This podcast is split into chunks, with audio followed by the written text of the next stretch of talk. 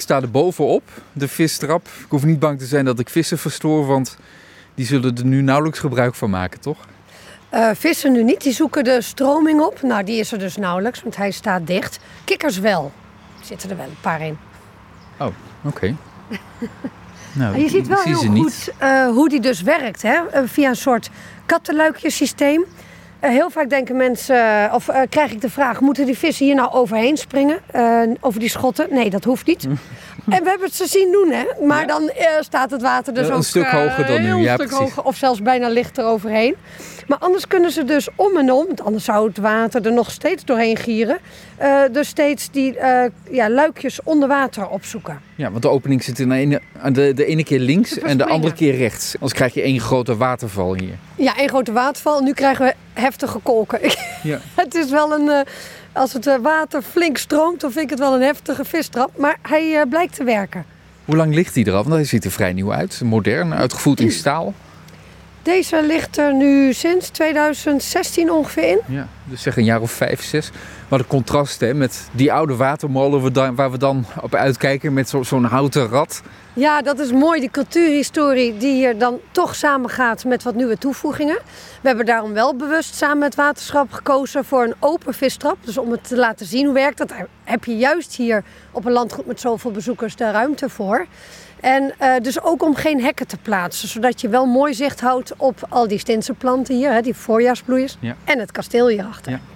En dit waterraad, hoe belangrijk is dit geweest voor de geschiedenis van dit landgoed? Heel mooi.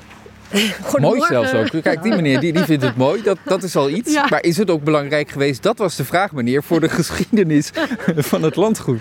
Hier wordt nog steeds en werd dus altijd het graan gemalen voor het vee op het landgoed. En eventueel het stukje omringende boeren. Uh, dus ja, dat is van groot belang. Ja, en nog steeds dus. Ja, nog steeds. Vrijwillige molenaars malen hier nog steeds graan uh, voor uh, wat boeren in de omgeving. Dus, uh, en wij wekken er ook nog wat energie mee op als het rad draait. Uh, dat is ook wel weer, we hadden het net zo over dat water. Hè? En dan zie je elke keer die vraagstukken. Waar kies je voor? Natuur of cultuur? Voor de natuur willen we het waterstand wat hoger. En dat is vroeger dus ook wel zo geweest. Maar dan moet je de molen ook regelmatig laten draaien. Want anders gaan de schoepen die in het water hangen worden zwaarder dan natuurlijk de schoepen die... Die zuigen zich meer vol water, boven droogt het uit. Exact. En dan krijg je een disbalans. En dan uh, draait hij ook niet lekker. Dus we, als het kan, laten we hem even draaien. En uh, zetten we hem ook wel eens even op een andere stand. Zodat wel die schoepen een beetje in vorm blijven. En is de molen dan het grootste slachtoffer van de droogte?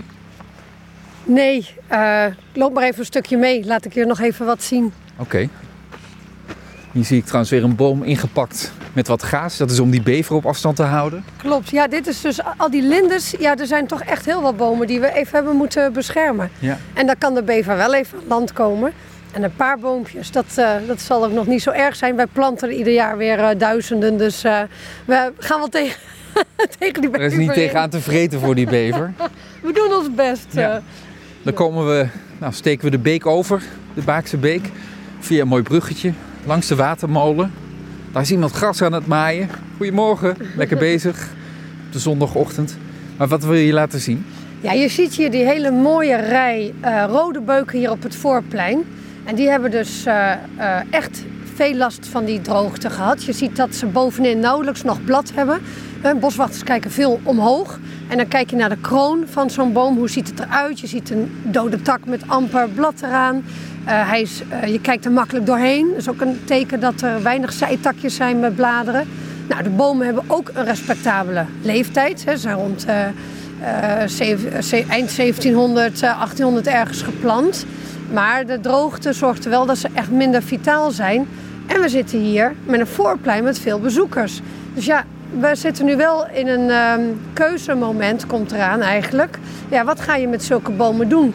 Uh, willen ze oud laten worden? Dat willen we als natuurmonument natuurlijk het liefst. Hè? Um, en dat je dan uh, het pad afsluit. Maar het kan zijn dat we dat cultuurhistorisch niet eens mogen, want dit is een rijksmonument. Dus moeten we daar ook uh, zorg voor dragen. Ja. Dus nee, maar dat zijn wel de keuzes waar we ons hier voorgesteld zien. Zullen we kijken of we kunnen helpen met het maaien van het gras? Ik uh, heb meer zin in een kopje koffie in de Kopje zon. koffie. Nou, de zon is er inmiddels in ieder geval bijgekomen. Ik dank je wel voor een mooie ochtend. Ja, dankjewel Laurens. Tot ziens.